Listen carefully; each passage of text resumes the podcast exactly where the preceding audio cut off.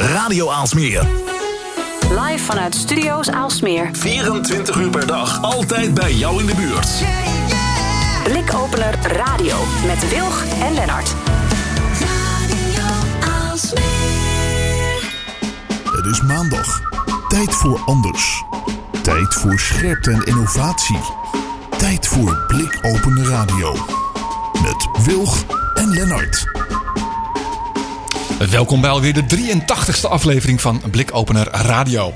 Mijn naam is Lennart Bader en vandaag is het natuurlijk International Women's Day. En eh, hebben we dus extra aandacht voor vrouwelijke ondernemers. Zo praten we met bladendokter Carolien Vader. Zij is blademaker, spreker en schrijver. En ook is Carolien expert in de transitie van traditionele media naar online en social media. En we kijken ernaar uit om eh, met haar in gesprek te gaan. Ja, heel veel zin in. Uh, zometeen hoor je Karin dus. Wie ben ik? Ik ben Wilg, oftewel Esther Gons. En vanavond hebben we verder in de uitzending... Maar ja, uh, Lennart zei het al, International Women's Day. Dus natuurlijk hebben we onze columnist Rix Herklots van The Next Women. Uh, ja, en die heeft daar natuurlijk goede verhalen over te vertellen ja, bedtijdverhalen voor rebelse meisjes zag ik voorbij komen. Ja, nou, nou. ja, we gaan er zo vragen. Absoluut. Waar dat dan over gaat. Natuurlijk ook nog eh, de blikopeners van de afgelopen week. Ja, daar ga ik je alles over vertellen.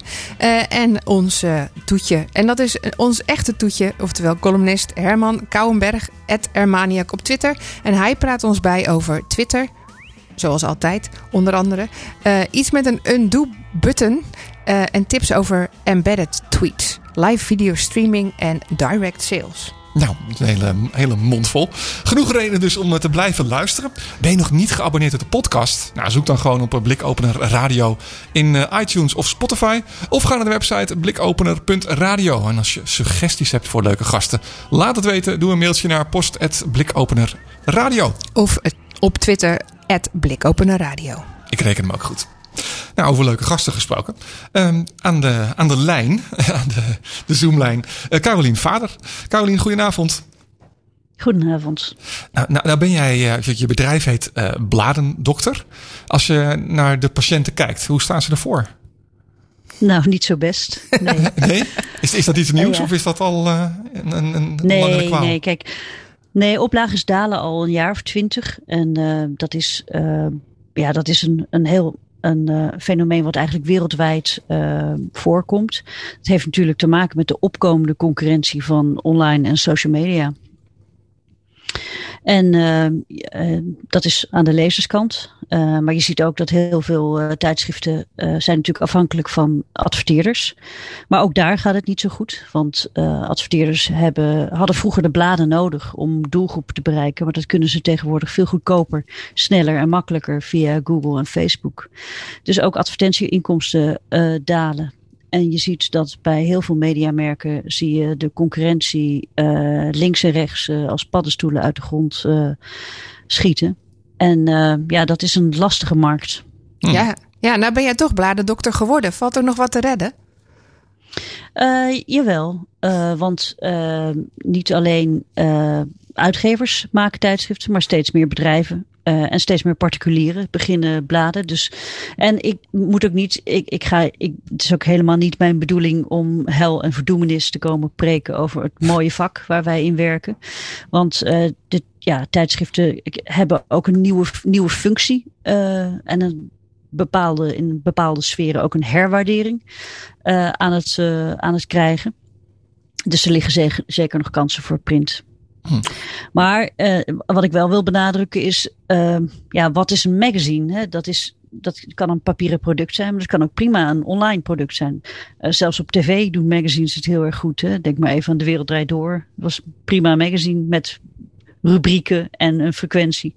Dus je kunt dat ook wat breder zien. En wij adviseren ja, zeg maar in de brede zin van het woord magazines. Je zei het al even, het, het, mooie vak hè, waar we in werken. Uh, hoe, hoe, is die liefde voor dat vak bij jou ontstaan? Wat heb je hiervoor gedaan? Nou, ik ben uh, van huis uit journalist. Dus ik, uh, ik heb ook echt een. ja, ik zit al 25 jaar in het vak. Dus ik ben ook echt begonnen als stagiair en als redacteur en eindredacteur, hoofdredacteur. Ik ben ook uitgever geweest. Dus ik heb wel heel veel verschillende aspecten van het vak meegemaakt. En uh, de laatste tien jaar ben ik vooral adviseur. op het gebied van contentstrategie en op het gebied van crossmediale werkprocessen. Het is een heel, hele mond vol, maar ja, de, de meeste uh, uh, mediamerken die zijn nog per kanaal ingericht. Hè? Dus je hebt een team op print en een team op online en een team op social media. Nou, dat vind ik zonde van het geld. Je zou met één team echt alle kanalen moeten kunnen bedienen. Maar zijn, nou, heb, je, heb, je, niet specialisten, specialisme nodig daarvoor, voor die verschillende kanalen? Is dat niet juist de reden dat ze het gescheiden houden? Of? Nou, ja, tegenwoordig zou je, als je uh, op een redactie zit, uh, veel meer specialisme moeten hebben dan alleen maar het schrijven voor papier bijvoorbeeld. Hm. Dat is echt niet meer voor deze tijd om van die hyperspecialismes te hebben. Dus als je bijvoorbeeld beeldredacteur bent, hè, dan zou je bijvoorbeeld kunnen gaan over het maken van mooie reportages in print. Maar dan zou je in mijn ogen ook moeten gaan over hoe je een goede tijdlijn op Instagram maakt, bijvoorbeeld. En uh, als je van tekst bent, ja, dan moet je een goed verhaal kunnen schrijven voor, uh, voor print of voor online. Maar dan moet je ook bijvoorbeeld weten hoe je goede hashtags kiest voor onder een bericht op LinkedIn. Ik, ik zeg maar wat. Uh, hè, dus het is allemaal wel wat breder. En ja, het is helemaal niet veel gevraagd van media mensen dat ze wat meer kunnen dan alleen maar één specifiek ding. Geen one-trick ponies. Nee. Ja, en, en, en, toen eigenlijk, hè? want dat is de volgende vraag. Je, je, je bent er ingerotte journalist en, en ja. stagiaire en uitgever. En je bent in dat, in dat, uh, dat mediavak gerold, zeg jij. Uh, maar maar hoe, hoe kom je dan tot, tot waar je nu bent? Uh, hoe, hoe, word, hoe besluit je, ik, ik, ik wil die, die ik magazines... beter eigenlijk. ik heb de oplossing. ik moet die magazines ja. eens gaan vertellen. Nou, ik, ik, ik heb Bladerdokter in 2002 opgericht. En dat was, toen werkte ik voor Thomas Hendricks. En, uh, heel lang is hij hoofdredacteur geweest van Quest. Dus ook wel een bekende in het vak. En uh, je zag in 2002 zag je een uh, enorme nieuwe kansen voor media met de, op, met de opkomst van online natuurlijk. En je zag dat heel veel tijdschriften ook echt hun functie aan het verliezen waren. Denk even aan het blad van de hockey, hockeyvereniging, waar dan de uitslagen van de week ervoor, van de wedstrijden van het vorige weekend in stonden.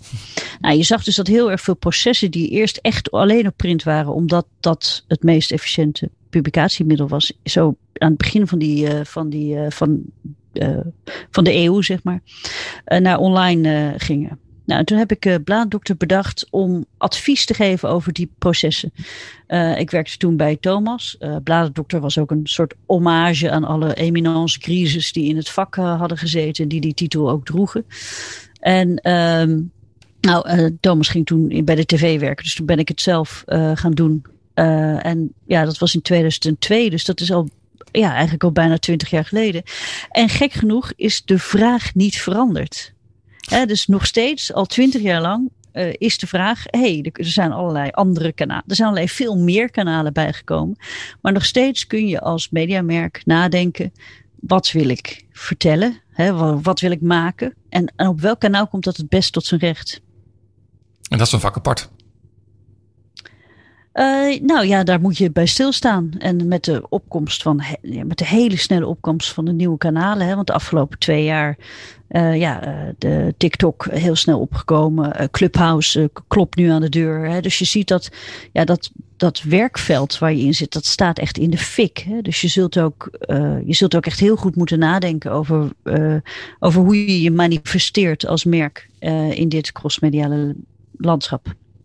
Ja, dus als ik nou goed luister, gaat het veel meer over verhalen vertellen dan, dan per se uh, dat magazine waar, waar, waar we, hè, waar je bladen dokter als naam aan hebt uh, te danken. Uh, want, ja. want jij zegt eigenlijk, ik help, ik help dus meer van, ik wil het verhaal vertellen, maar, maar, maar waar kan ik dat het beste doen? En er zijn, in plaats van dat er één kanaal is, het magazine, zijn er nu, nou ja, tientallen kanalen Dicht, gekomen. Ja. ja. En dan komt er elke dag eentje bij.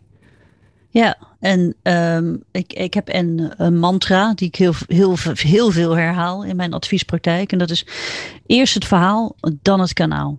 Nou, een, een, traditionele bladenmakers die zullen bij bijvoorbeeld een interview denken: oh ja, interview, vier pagina's, uh, duizend woorden, vier foto's, de grote openingsfoto die moet staand zijn. En die laten dat dus maken. Maar je kunt ook nadenken, wat kun je allemaal uit een interview halen? Nou, daar kan je een podcast uithalen. Daar kan je een videoverslag uithalen. Daar kan je bewegende portretten uitmaken waar je met titels bijvoorbeeld voor social media al iets uit kan leggen, goede quotes uh, kan laten zien. Uh, daar kun je een, een, bij wijze van spreken een stripverhaal van maken als je met enigszins out of the box denkt. Dus er zijn ontzettend veel mogelijkheden. Nou, dan is dus de vraag, uh, welke kanalen zet je in? Waar zitten jouw doelgroepen? En hoe gebruik je die kanalen om je interview ook aan de man te krijgen? He, want de, de tijd dat mensen vanzelf naar je site toe kwamen, surfen, de, wat we vroeger natuurlijk nog wel deden, ja, dat doen we eigenlijk niet meer. De meeste mediamerken zullen ook wel zelf uit hun analyses kunnen merken dat uh, de meeste traffic via search komt of via social. Dat betekent dat je als je een verhaal schrijft, dat je het uitvoerig moet gaan uitventen via social media, wil je je bereik optimaliseren. Nou, en als je een interview hebt, kun je dat dus op heel veel verschillende manieren ook doen. Je kan een, link uh, wegsturen via Facebook of via Twitter. Maar je kunt bijvoorbeeld ook een korte video maken en daar de link in zetten. Of een carousel met foto's en daar de link in zetten. Of überhaupt een mooie quote op een Delfts blauw tegeltje en dat als plaatje uploaden op, ik noem maar wat, Instagram en daar de link uh, bij zetten. Uh, met een swipe-up bijvoorbeeld via stories. Nou, en dat, en dat, uh, het hele feit dat je niet alleen maar content moet maken, maar dat je content eigenlijk ook moet vermarkten dat je echt moet werken voor je bereik. Ja, dat is een vrij nieuw inzicht op redacties. Dat, niet alleen redacties van publieksbladen, maar ook redacties die bezig zijn met content marketing. Hè, waar wij natuurlijk ook een heel veel klanten in adviseren. Nou, en dat, ja, dat behoort tot een uh, redactioneel proces. En dat zijn skills die, niet alle, die, die, niet, die lang niet alle redacties uh, bezitten.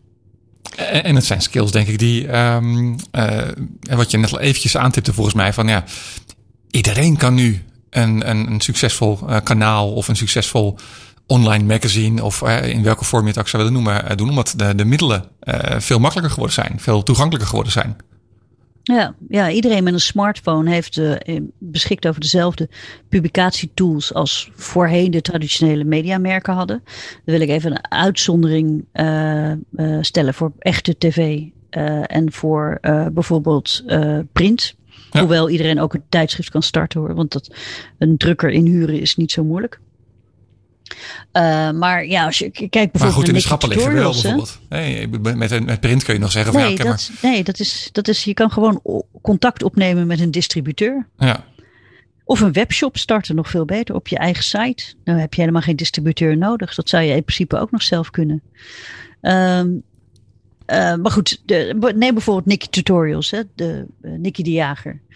Uh, nou, je ziet dus de, de, grens heel erg vervagen tussen of dat nou een amateur is, een particulier die zelf aan het uitgeven is.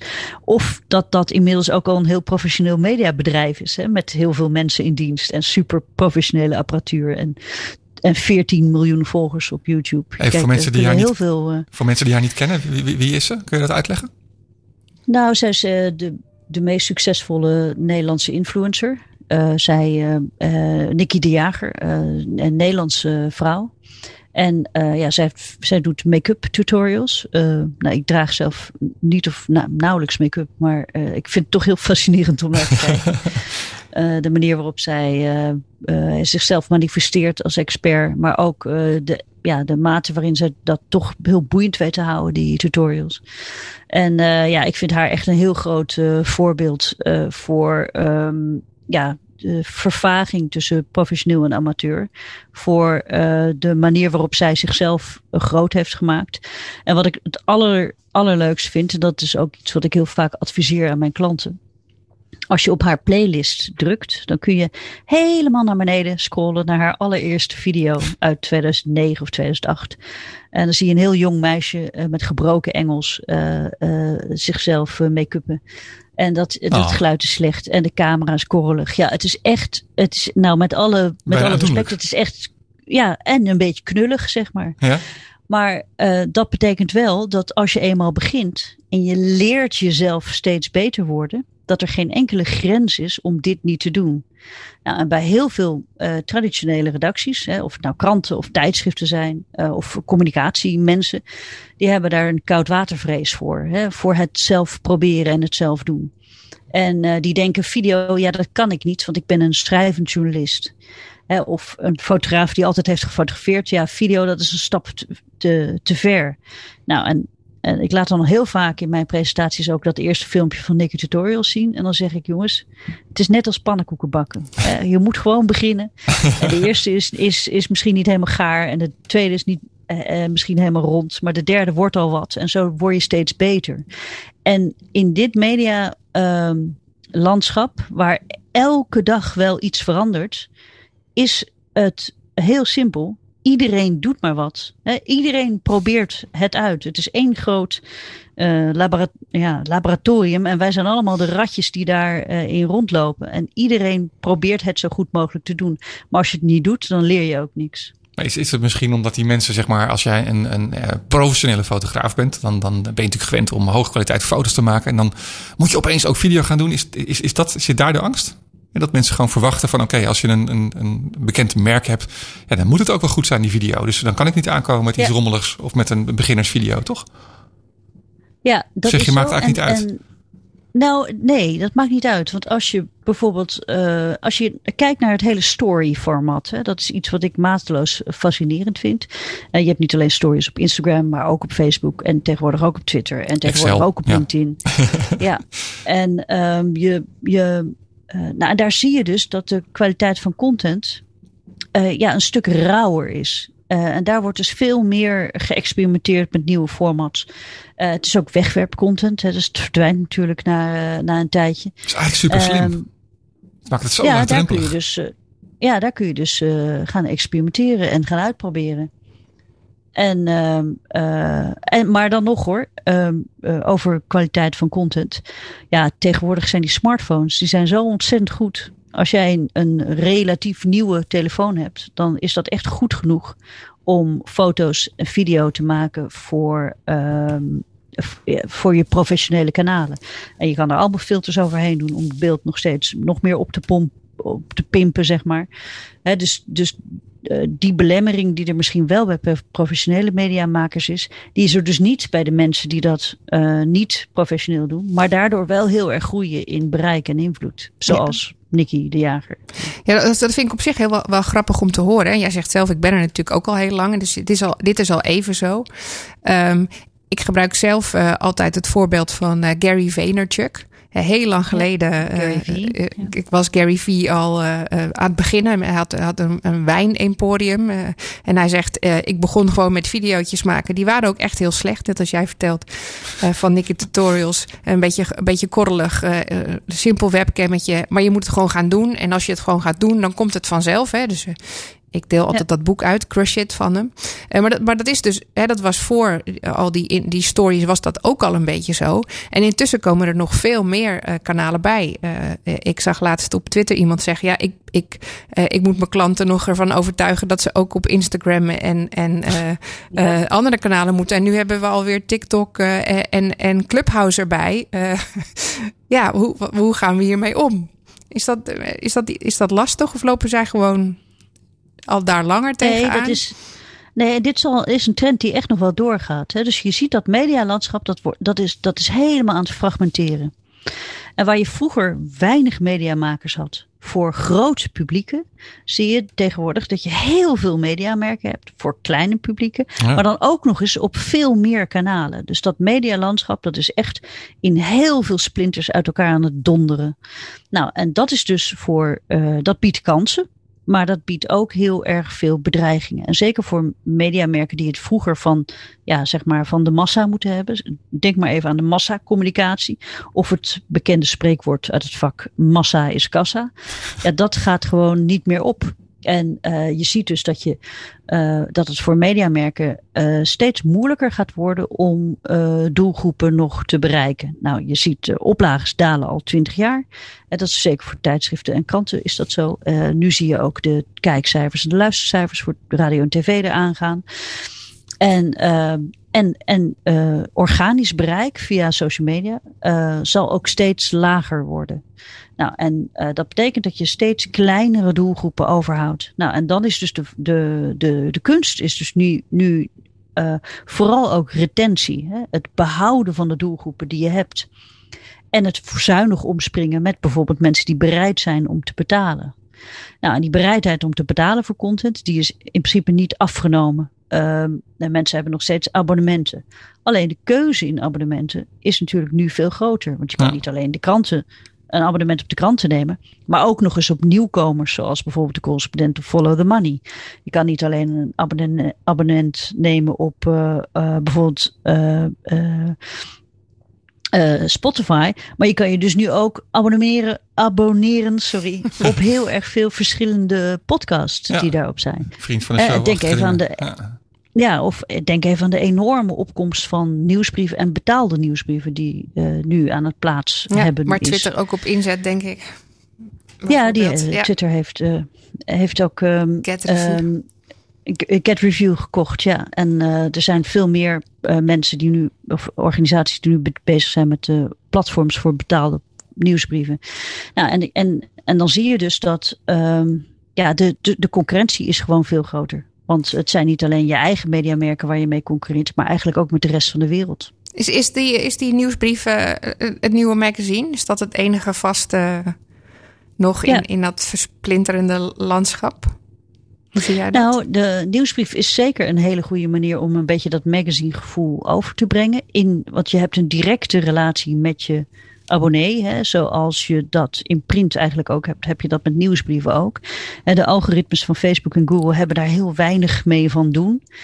Uh, en je kunt in die nieuwsbrieven worden ook steeds visueler. Hè? Dus je kunt daar echte mini-mail magazines van maken. Met video-aspecten, met fotografie erin, met ja, koppen en streamers. En je, echt alle tools die je uh, in vormgeving voorhanden hebt, kun je in zo'n nieuwsbrief stoppen. En je hebt natuurlijk je frequentie.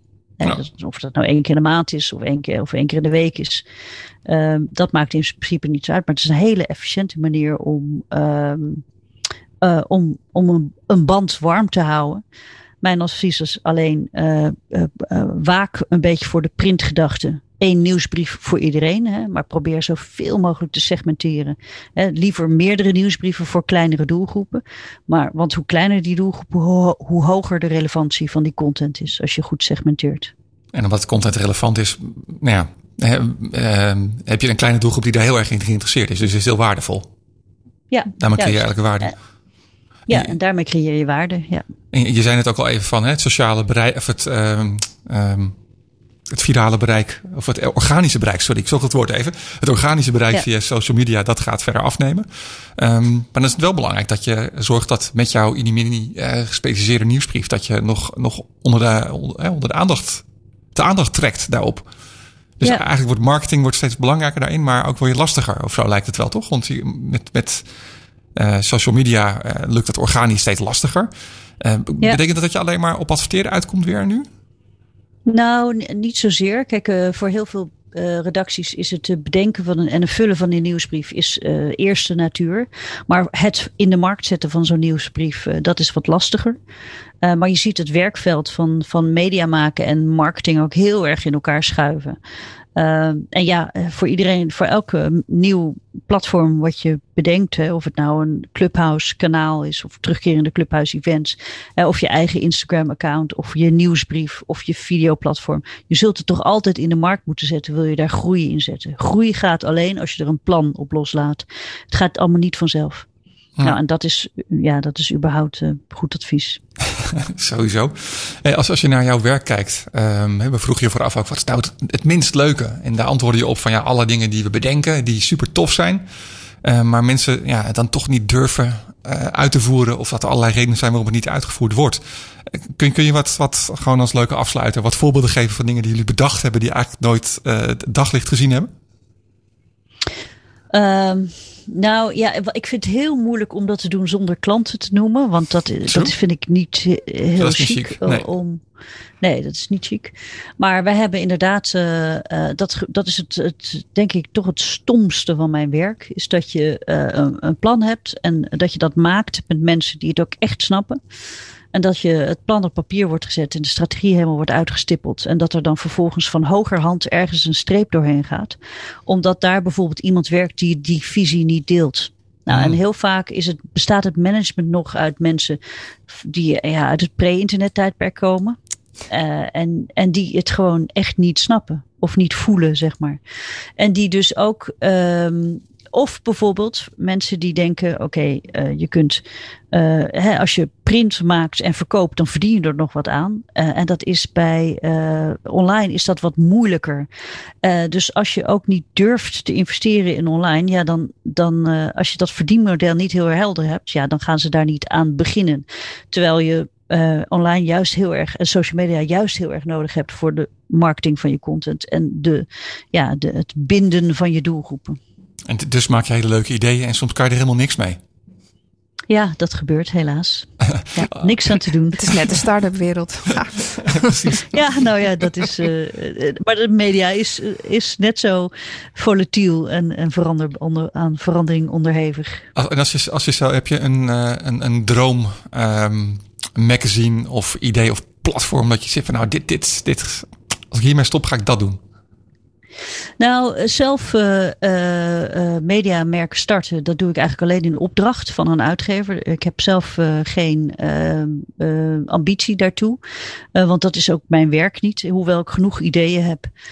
alleen um, eh, ja, ik heb veel meer lol in het, uh, in het uh, werken, ja, het adviseren voor anderen.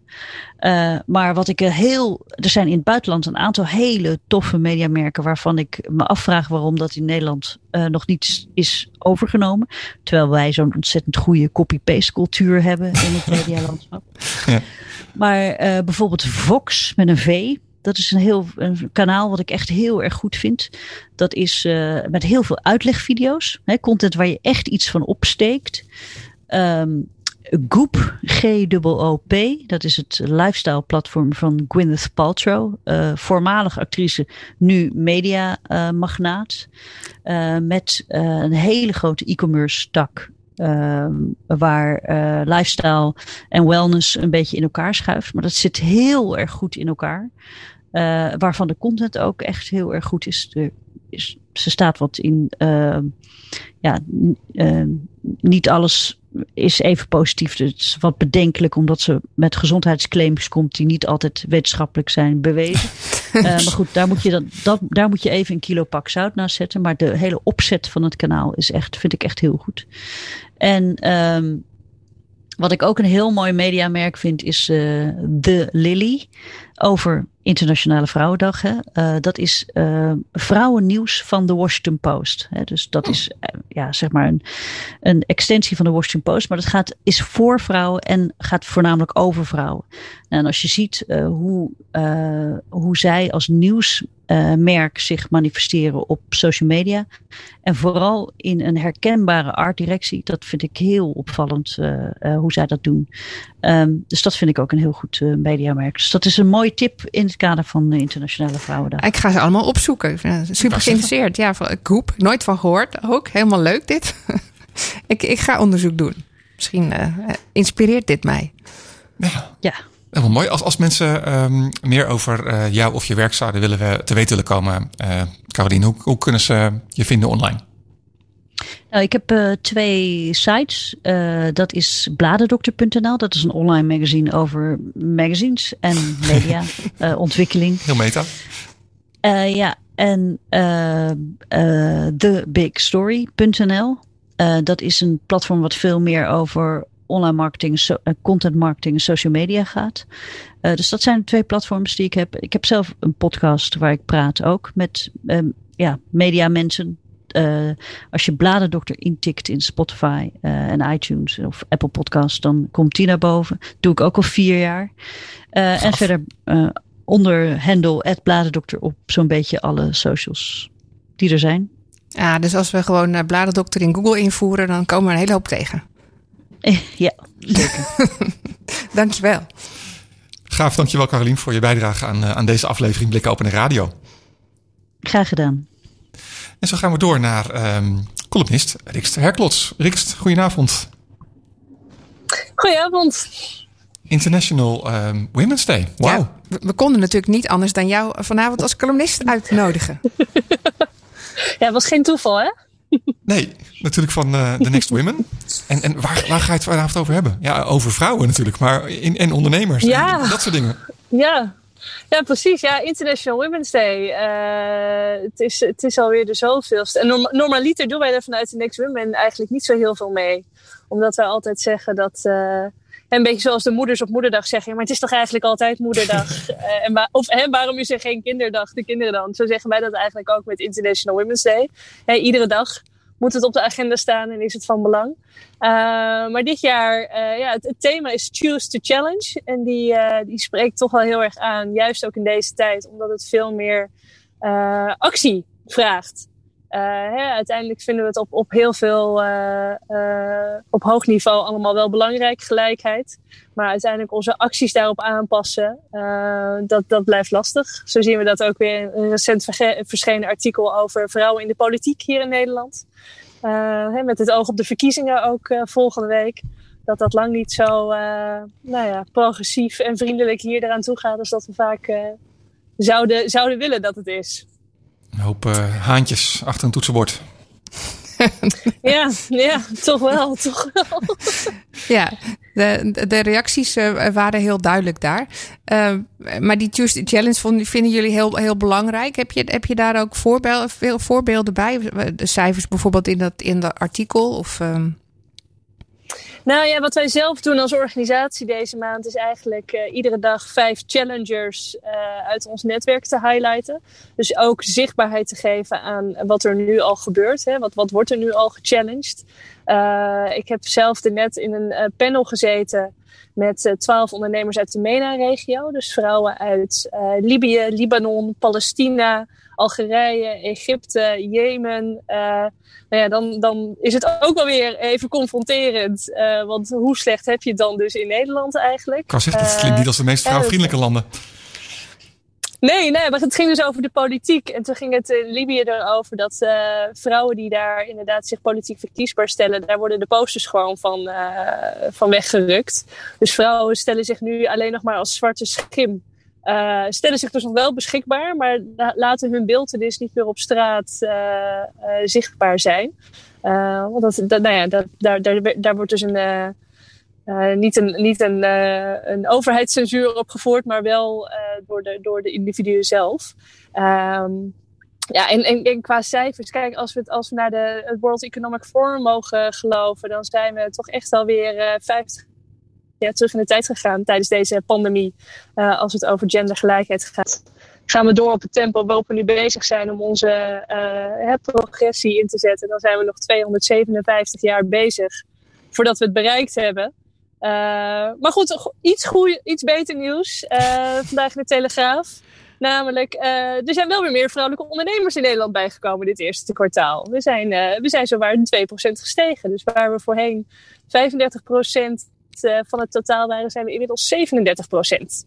Ah, dat is heel mooi. Ik denk, ik vind toch, en net als Choose the Challenge vind ik ook een heel mooi thema. Ik denk toch dat juist dat die, die awareness hè, van laat zien waar het dan misgaat. Hè? Dus uh, juist omdat het misschien het laatste stukje is, is niet iedereen er zich van bewust dat er nog dingen gebeuren. Dus juist dat, dat, dat artikel van kijk nou in de politiek, we hebben onderzoek gedaan. Er is daadwerkelijk een andere manier waarop vrouwen bejegend worden uh, dan mannen. En dat is gewoon niet goed. Dat dat, dat, dat toch wel helpt. Ik, uh, er was natuurlijk daarvoor al een keer een artikel over dat er uh, meer vrouwelijke ondernemers moeten komen, maar dat dan eerst meer vrouwelijke investeerders moeten komen die die vrouwen ook een kans geven, omdat dat heel vervelend is. Nou, dat is heel erg duidelijk aangekaart in de start-up wereld.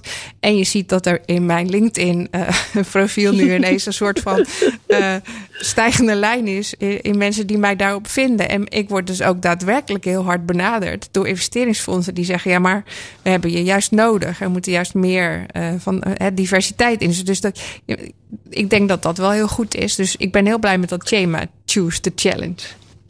Ja, nee, dat is natuurlijk ook uh, hè, 87% van de fondsen in Nederland hebben geen vrouwelijke investeerder in het team zitten. Uh, nou, inmiddels hebben 45 Nederlandse fondsen zich aan het Fund Right principe uh, gecommitteerd. waarbij ze zich dus ook committeren aan een, een, een doelstelling om in vijf jaar tijd naar 35% diversiteit in hun eigen team uh, toe te werken. Dus dat is nogal een straffe. Uh, nee, dat geldt ook voor, voor het diversificeren van hun eigen pipeline en uiteindelijk ook voor de managementteams waarin ze geïnvesteerd hebben. Uh, maar die zijn iets gemakkelijker te, te beïnvloeden dan, dan de fondsstructuren zelf. Dus je ziet dat het inderdaad een enorme, een enorme vraag op het moment is. En dat men daar wel bewust mee bezig is. En vanuit de Next Women gaan we daarom ook deze week van start met onze eigen investor class. Omdat uh, we inderdaad ook zien dat ja, we kunnen heel erg het over de vrouwelijke ondernemers steeds hebben. Waar ik ook van vind dat daar, niet dat daar niet altijd de vinger naar gewezen hoeft te worden. Want als je namelijk naar de andere kant van het verhaal kijkt. En dus naar degene die het geld investeren. Dan is 95% man. Dus dan is het helemaal niet zo gek dat er ruim 90% van het geld naar, man, naar mannelijke teams toch gaat. Doe het eigenlijk nog best aardig, zou ik zeggen. ja, ja, ja. Um, ja, je had nog meer leuk uh, nieuws, zag ik. Ik zag iets over rebelse meisjes. Vertel, wat is dat? Ja, ja je hebt uh, het boek uh, Good Night Rebel Girls. dat zijn, nou ja, voor het bedtijd verhaaltjes van uh, die, verder, die eigenlijk uh, de beeld wat we toch vaak weggeven aan onze kinderen op het moment dat we de klassieke sprookjes voorlezen. In ieder geval de Disney sprookjes. Hè, van de, van de, de hulpeloze prinses die gered moet worden door haar prins. Uh, gekust moet worden. waarvan we ook allemaal alweer dingen vinden in deze tijd. Dit boek is ik denk inmiddels al wel weer drie jaar geleden verschenen in het Engels. Om dat dus uh, nou ja, ook, ook daar een andere narratief eigenlijk in te starten. En daar is uh, ruim een jaar geleden een crowdfunding campagne gestart om een Nederlandse variant uit te brengen. En die is vandaag op de markt verschenen. Dus vanaf vandaag kan je ook bedtijdverhaaltjes voor rebelse meisjes in het Nederlands uh, aanschaffen. Dus iedereen die luistert met kleine kinderen. dit is het boek van de toekomst. En dat zijn prinsessen op het witte paard. Nou, het zijn honderd uh, verhalen van, van de rebelse Nederlandse vrouwen. Uh, dus vanuit, vanuit, uh, vanaf de middeleeuwen af aan tot, tot in de huidige tijd. Vrouwen die de status quo durven nou ja, aan de kaak te stellen. En niet het genoegen nemen met wat de man vindt dat het recht van de vrouw dan toch is.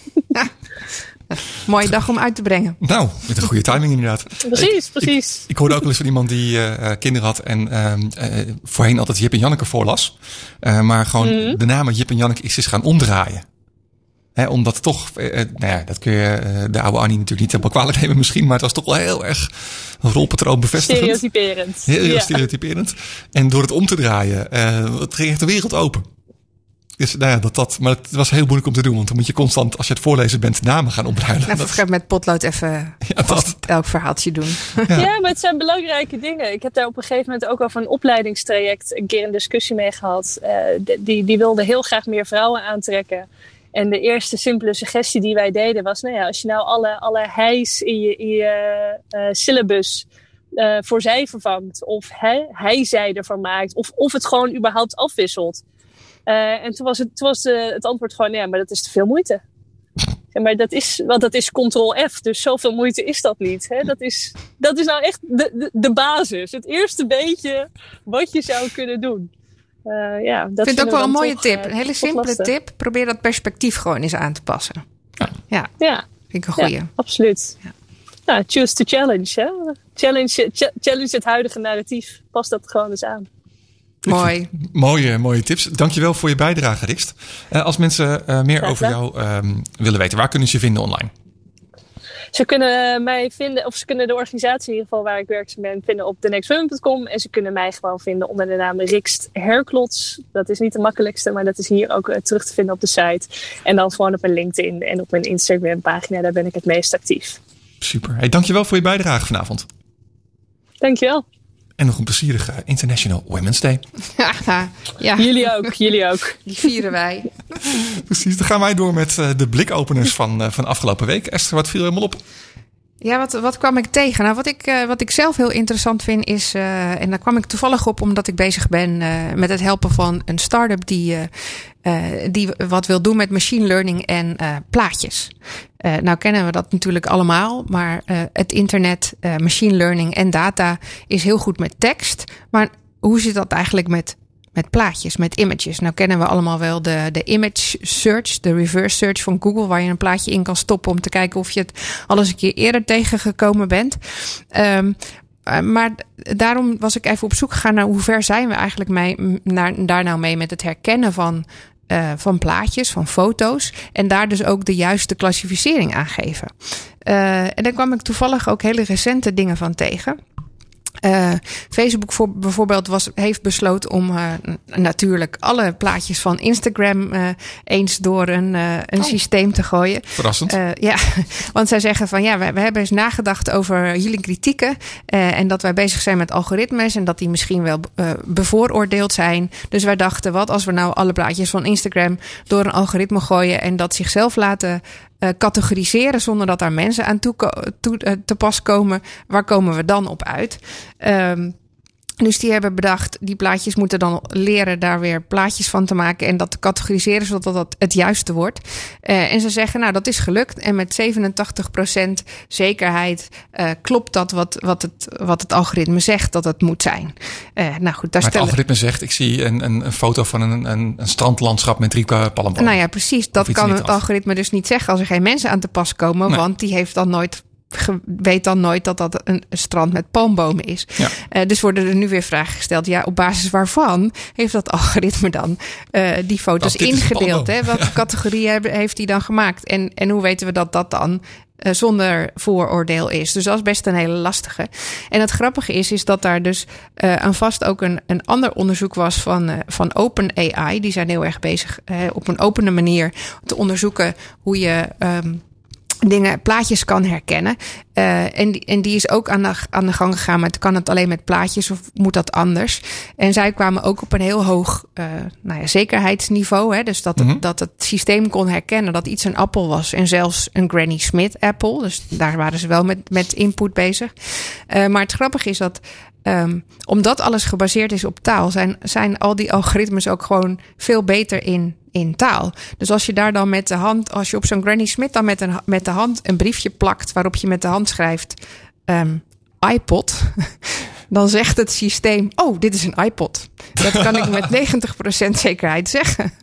Of als je bijvoorbeeld dan een, een, een, een machine laat zien, of een, een kettingzaag bijvoorbeeld, eh, en je zet daar, daar typ je uh, dollartekentjes overheen, dan zegt het systeem ineens: Oh nee, dit, dit is een spaarpot. Dit is helemaal niet een, een kettingzaag. Hè? Dus dat is, nog, dat is nog heel afhankelijk van, van tekst die dan weer in zo'n foto staat. Omdat dat heel makkelijk herkend wordt. Omdat er dan toch waarschijnlijk systemen gebouwd worden waar een bepaalde tekstherkenning al in zit.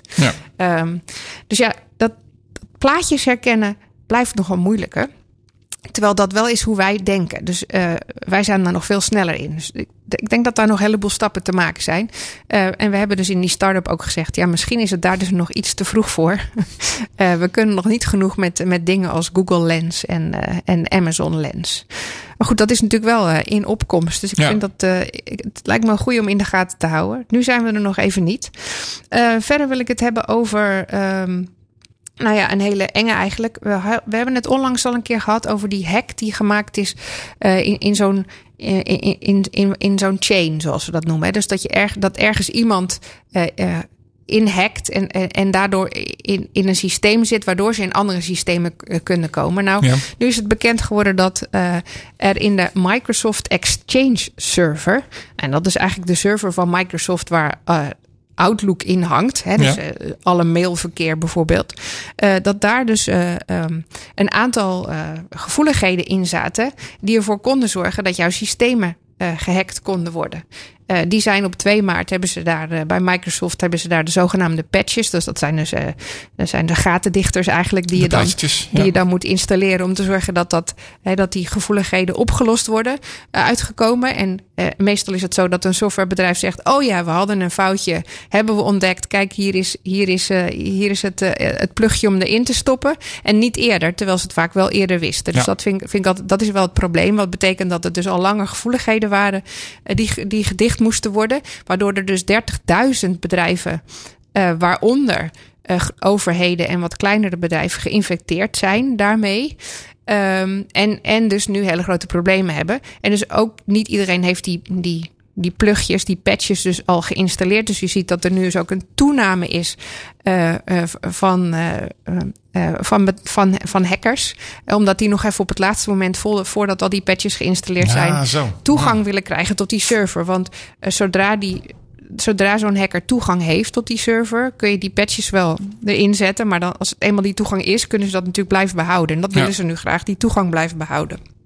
Eh, een van de grotere instanties die nu gezegd heeft of aangekondigd heeft dat ze eh, waarschijnlijk ook eh, geïnfecteerd zijn of, of in ieder geval eh, gevoelig zijn en nu problemen hebben, is bijvoorbeeld de Europese overheid. Oh, die nu zegt van ja, moeten we dus nu eh, alleen maar die patches installeren? Of zijn onze systemen nu gewoon ja. aangetast? Moeten we er rekening mee houden dat er sowieso iemand in zit? En moeten we de hele boel maar gewoon Even opnieuw doen. even opnieuw doen? Wat nogal wat consequenties heeft. Zo. Want daar hangt natuurlijk heel veel aan. Ja. Ja, dus dat is een, een vrij groot probleem. omdat ook nou ja, heel veel bedrijven op Microsoft Exchange draaien. Dus eh, ja, eh, wereldwijd tot honderdduizenden infecties, eh, zegt tweakers.net. Hmm. Nou, is het anders dan COVID? Hè? kan daar Nou ja, wel bij. ik, ik kan me wel voorstellen dat ja, hoe meer wij eigenlijk online ons leven voortzetten en hoe meer bedrijven, maar ook gewoon instanties, dus hun, hun, eh, ehm, hun spullen online moeten hebben, omdat dat makkelijker is. Nou ja, zeker nu ook. We werken, we werken Ja. ook allemaal online. Eh, hoe meer we van dit soort dingen gaan krijgen en hoe, hoe, hoe belangrijker het wordt dat, dat die beveiliging op orde is. Zeker. Dus eh, ja, we gaan, we gaan het zien eh, Hmm. of dat erger wordt of niet. Maar dit was wat mij opgevallen was deze week. Oké, dankjewel daarvoor. En zo is het tijd voor het toetje van de week. Columnist Hermaniak Herman Kouwenberg. Herman, goedenavond. Goedenavond. Jij hebt eh weer een hoop Twitter-nieuwtjes voor ons. Nou, het zijn er een aantal. en allemaal op één na eh, heeft inderdaad met Twitter te maken. Dus we zullen eens van start gaan. Wie van jullie weet nog wat zijn eerste tweet was? Oeh, van, van Ed Jack bedoel je? Nee, mijn eerste tweet. Oh, mijn eerste tweet. Oh, sorry. Oh, eerste tweet. Nee, die kan, ik kan hem wel. Ik kan hem natuurlijk opzoeken. Dat kon ook, eh Hermaniak, toch? Dat kan je ergens mee opzoeken wat je eerste tweet Ik heb er was. zelfs een tegeltje van. eh at Utrecht at work. En at Utrecht bestond toen nog niet. Dus ik maakte, maakte daar al eh, gelijk een missen. Maar daarom kon wel iedereen eh, die mij volgde hem, eh, hem lezen. Maar eh at Jack, zijn eerste tweet was eh, setting up my Twitter. En Twitter spelde je toen nog als TWTTR. Oh ja. Omdat het eh, wat nog eh, de naam was toen de tijd. Maar die heeft zijn eerste tweet eh, via een soort eh, NFC-blockchain toepassing eh, te koop gezet. En dat gaat redelijk hard, moet ik zeggen. Ik bedoel, de laatste stand van zaterdag die ik weet is eh 2,5 miljoen dollar. Dus, Oh, als je eh, Ja, dat is, eh, dat is dan niet een NFC, maar dat is een eh, NTF. Dat is een non-transferable NTF, token. eh, waardoor je op die blockchain eh, eh, technologie kan zeggen... Hey, ik ben de echte eigenaar. Dus dan, zo kun je digitale dingen ook overdragen. Daar hadden we het toevallig vorige week ook Ja, over. heel groot. Dat je op deze enorm, manier ook digitale kunst kan overdragen. Maar blijkbaar dus ook hebben? een tweet. Zou eh, Jack eh, naar Blik Open Radio ge- geluisterd hebben en of niet meegekomen zijn? Maar, Maar, maar, het is, het maar de manier bieden- digitale eigendom eh, te Ja, claimen. maar, En, d- maar eh, dan kan je dus bieden op een digitale tweet van, van Jack. En dan, maar wat, wat voor mensen bieden daarop? Heb je, dat, jij zegt Nou, gaat heel eh, hard. Ik vermoed eh, behoorlijk rijke mensen. Want ik heb geen 2,5 miljoen dollar eh, liggen die ik ervoor over eh, zou hebben. Maar ik bedoel, ja, als je eh, Jeff Bezos bent, eh, het misschien wel leuk om de eerste tweet van Jack te hebben. En heb je daar 2,5 miljoen dollar Maar ik vind dat heel over. grappig, want je hebt dan de eerste tweet officieel, want daar, daar- dat token hangt eraan. Maar er zijn natuurlijk genoeg mensen. Ik kan hem kopiëren en hem uitprinten en hem aan mijn muur Je hangen. kunt, hem, en- je kunt hem embedden, je kunt er van alles mee doen. Hij blijft Maar er is maar één eigenaar. maar- Ja, maar wat, wat koop je dan? De, Ja. bra- de bragging rights, de, Ja. de opscheprechten? Nee, zou jij je voor kunnen stellen dat het voor artiesten als Banksy en eh, dergelijke, dat het toch wel interessant eh, zou kunnen zijn eh, om daar iets mee te doen? Ja, ik vind het wel leuk. Misschien moeten we een keer, als het onderwerp wat eh, rijper is, eh, daar eens gewoon een thema-uitzending aan wagen. Ja, ik vind, het, vind het heel Zullen we eerst interessant. eens afwachten voor hoeveel die daar straks daadwerkelijk eh, weggaat en eh, wie, wie dat, er voor over heeft- gehad heeft. Ja, Eh, het tweede nieuws dat ik had is eh, een, een bijna edit button. Dus begin nog niet uh, te hard te juichen. Wel, uh, het is altijd de vraag van mensen van uh, wat wil je op Twitter hebben? En dat is een edit button. Maar er komt nou misschien binnenkort een undo button. Dat als je op tweet klikt, dat je dan vijf seconden bedenktijd krijgt om te zeggen van nee, toch maar niet. Maar wel, is misschien iets... tegen, tegen korte lontjes. Nou nee, Twitter heeft recent ook weer uh, ingevoerd uh, dat als je heel heftige taal gebruikt in uh, een reactie naar iemand, dat je dan een waarschuwing krijgt van weet je wel zeker dat je dat wil versturen. Zo'n soort pauzemomentje van tel eens tot tien. Ja. Wel, dat hebben ze tijdens de verkiezingen in Amerika gedaan, maar en na de verkiezingen hadden ze het ook weer uitgezet. Dus ze hebben het nu zeg maar voor zijn algemeenheid aangezet. Maar, maar, maar die undo-button, dat snap ik. Maar ik kan mijn tweet toch ook gewoon deleten? Ja, ja, maar dit is dus voordat hij geplaatst wordt. Wel, uh, dus je krijgt echt een soort bedenktijd. Uh, ah ja, dus ik doe, ik doe nu wel eens dan, dan heb ik een hele tweet getypt. En dan, typ, dan, dan typ ik die tweet en dan kijk ik er nog een keer na. En dan denk ik, nou ja, en dan doe ik gewoon discard. Ja, kijk, dat doe ik dus niet. Wel. als ik een tweet opstel, zeker als ik op mijn telefoon zit te twitteren, dan, dan typ ik het bericht in en dan druk ik op send. En op het moment dat ik op send klik, zie ik vaak de spelfout al. daar, daar, daar, is de hashtag stop de tijd ook voor uitgevonden. En uh, dan, dan, dan, ja, dan staat hij dus, dan zet ik er altijd maar van uh, meten is muten. Wel, heeft uh, autocorrect weer iets veranderd. Wel, en op het moment dat ik op druk, zie ik het. Dus voor mij zou het wel een uitkomst zijn. dus ik hoop dat ze het ook aan third parties gaan geven. Ja, ik vind het toch bijzonder, want wat, wat, wat voegt dat nou? Het voegt eigenlijk een extra stap doen tussen discard de tweet die waarbij je bezig bent of delete de tweet die je al ge gepost had. Publicatiepauze eigenlijk. Ja. Ik, en dan denk ik, nou, dit is een extra stap. Terwijl je de functie al, je had het, je had het eigenlijk al in bereik met discard of delete. Misschien, misschien is het uh, iets wat ze als een soort uh, straf gaan uh, opleggen aan mensen die vaak zeg maar aangeklaagd worden voor haatpraat, nepnieuws en dergelijke. Wel, dat het een middel wordt om, om trollen tegen te gaan ben benieuwd. We zullen zien. Het was een test. Hij duurt vijf seconden. Dus uh, Twitter heeft deze maand, of in juni, gaan ze trouwens iets uh, aanpassen aan embedded timelines. Ik weet niet of je dat nog kent, maar je kunt een, bijvoorbeeld een zoekopdracht maken.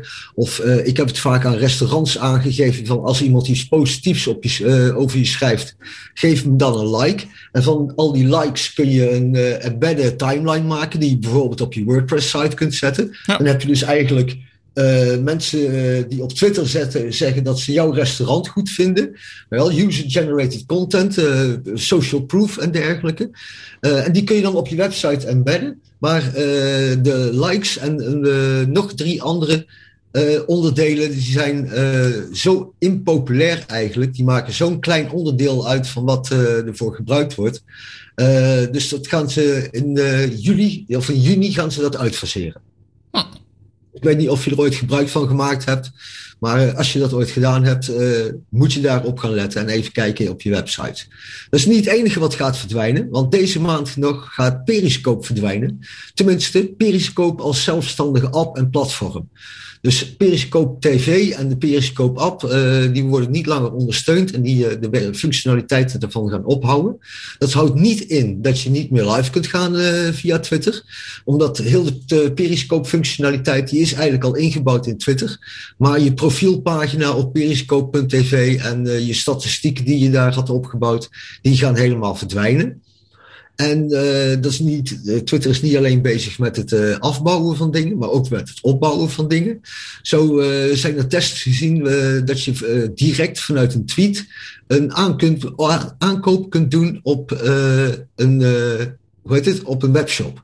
Nou, oh. dat is interessant voor webshop-eigenaren en voor consumenten. Ik ben een beetje de commerciële man uh, binnen deze token, misschien uh, zeker als het om Twitter gaat. En ik denk dus een beetje vanuit de webshop-eigenaren. En uh, mensen die daar al actiever mee zijn, die kennen het misschien van Facebook en van, van Instagram. Zeker op Instagram heeft het al gewerkt. En krijg je dus eigenlijk in-app aankopen. Ik ben daar aan de ene kant heel positief over omdat het natuurlijk uh, je social media inzet als zakelijke gebruiker uh, verrijkt en uh, meer mogelijkheden geeft. Zeker als het leest dat het waarschijnlijk zowel organisch als voor, om advertenties gaat. Dus het is niet alleen maar binnen commerciële producten dat je er gebruik van kunt gaan maken. Maar aan de andere kant heeft Facebook in het verleden ook zoiets uitgehaald. En daar merkte webshops-eigenaren na verloop van tijd van, oh, wacht eens even. Ik heb, die verkoop zit rechtstreeks binnen Facebook. En mensen komen dus niet meer op mijn website. Ja. Dus de terugkerende gebruiker van mijn webshop, zonder dat Facebook ertussen zit, die wordt lager. En ook het uh, tonen van gerelateerde producten waar je op je webshop uh, op geïnvesteerd hebt, uh, die worden ook niet langer vertoond binnen zo'n pagina. Dus het heeft pro's en nadelen. Dus ik zou zeggen van ga precies in het midden zitten, gebruik ze af en toe voor acties of voor uh, inventaris die je toch kwijt wil. En gebruik je andere organische tweets om mensen weer naar je webshop te, te leiden. Twitter heeft ook weer een nieuwe maatregel opgebouwd rond, rond COVID-desinformatie. Okay. De zogeheten five strikes and you're out. Dus je, als je de eerste keer dat je een waarschuwing krijgt voor het verspreiden van desinformatie over vaccinaties of over COVID-19, dat het maar een griepje is, dan krijg je een waarschuwing. En uh, mag je gewoon verder je gang gaan. De tweede keer krijg je een waarschuwing en een tijdelijke ban. De derde keer krijg je een waarschuwing en een uh, nog langere tijdelijke ban. De vierde keer krijg je je laatste waarschuwing. En de vijfde keer waarschuwen ze zelfs niet meer, maar is je account gewoon weg. En, en, en hoe monitoren ze dat? Want eh, dan moeten ze dus in een heleboel talen uh, tekst gaan lezen. Nou, je hebt net voor mij een prachtig betoog gehouden over hoe, hoe zeg maar tekst veel beter binnen algoritmes past. Dus ik denk dat ze daar hun huidige systemen voor het ontdekken van desinformatie voor gebruiken. En waarschijnlijk ook de manieren waarop wij als eindgebruikers een andere tweet kunnen aangeven voor het verspreiden van desinformatie doe ik regelmatig. Of spam of echt aan bedreigingen en dergelijke. En dan krijg ik feedback van na verloop van tijd. En dat werkt echt prima. Mooi. feedback als het positief is of negatief. Hè? Dan leggen ze het erna uit waarom niet. Ja, dus dan gaat er misschien ook wel een persoon naar kijken uiteindelijk. Uiteindelijk denk ik wel, nou, ja. Ja. Als laatste nog uh, op de valreep uh, gifrun.com voor uh, als je gifjes wil maken van video's die je op social media ziet. Instagram, Twitter, Facebook, YouTube, maakt niet uit. Gifrun.com en je kunt daar je gifjes maken van jouw favoriete videoscènes. Dus ook voor je leukste WhatsApp familiegroep gifjes. Meteen een praktische toepassing. Herman, dankjewel voor je bijdrage. Hermaniak op, op Twitter. En daarmee komt er een eind aan aan deze af. Dankjewel. Uh, er komt er af, eind aan deze aflevering van uh, Blikopener Radio. Ja, volgende week weer een uh, hele leuke aflevering. En tot zover fijne week.